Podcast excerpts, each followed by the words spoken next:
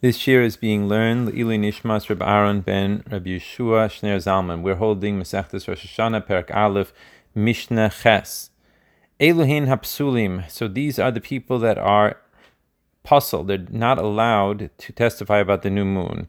So the list is going to be predominantly people that are rabbinically disqualified. However, it does mention Canaanite slaves, which is uh, from the Torah. So it says like this: Hamisachek bekubia, someone who plays uh, with dice for money. This is a gambler, and the reason for this is because uh, even though he's ready to pay, uh, if he winds up losing, the truth is the people are going into it with the outlook that they're going to be winners in this gambling uh, adventure, and so therefore, when they actually do give in the money, it's not in a complete uh, way with an open heart.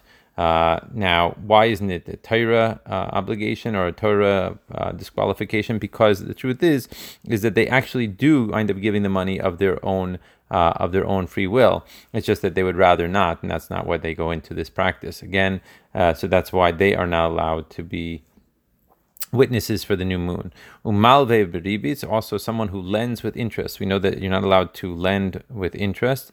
So therefore, someone that does that, again, is a similar idea, even though the the person that they're taking the money from actually does pay it. Uh, but again, uh, that's not something that he would like to do, and therefore it is rabbinical uh, disqualification. Someone who raises pigeons for money, same idea. Besochere shvis, also someone that does business with the fruit of the Shemitah year. Here, the Torah tells us that the fruit of the Shemitah years is for us to eat, and therefore implying with that that uh, we shouldn't be doing uh, business with it. Va'avadim and Canaanite uh, Canaanite slaves, which are biblically um, disqualified. Zehaklal is the general rule. Kol edu she'en ha'isha ksherala, any testimony that a woman would not be kosher to do, af hein enam ksherim la, so therefore also a slave would not be allowed to do. Now, that does not include, or we could say it the other way around as well, um, something that a woman is allowed to testify for, such as the death of a person's husband. So also the slave, the Canaanite slave, would be allowed to testify in as well. Mishnah Tes, last Mishnah of our parak. Mishara is ha-chodesh, ve'enu yochol lahalech. So someone who saw the new moon on the Friday evening, but he's not able to go to the Din because he's very weak or doesn't have good health. So molichim oiso ala chamar, you're allowed to even lead him on a donkey, even though this is breaking Shabbos, of uh, leading an animal through the Rishus uh, on Shabbos, you'd be allowed to do this. And he goes even further. Even the people are allowed to carry him on a bed. I guess this was some sort of stretcher or something like that.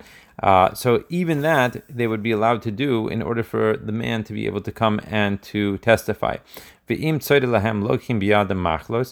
and if they were concerned that there would be people waiting for them to ambush them, such as the Sadukim, uh, which tried to stop the people from uh, testifying about the new moons, they would even be allowed to take. Um,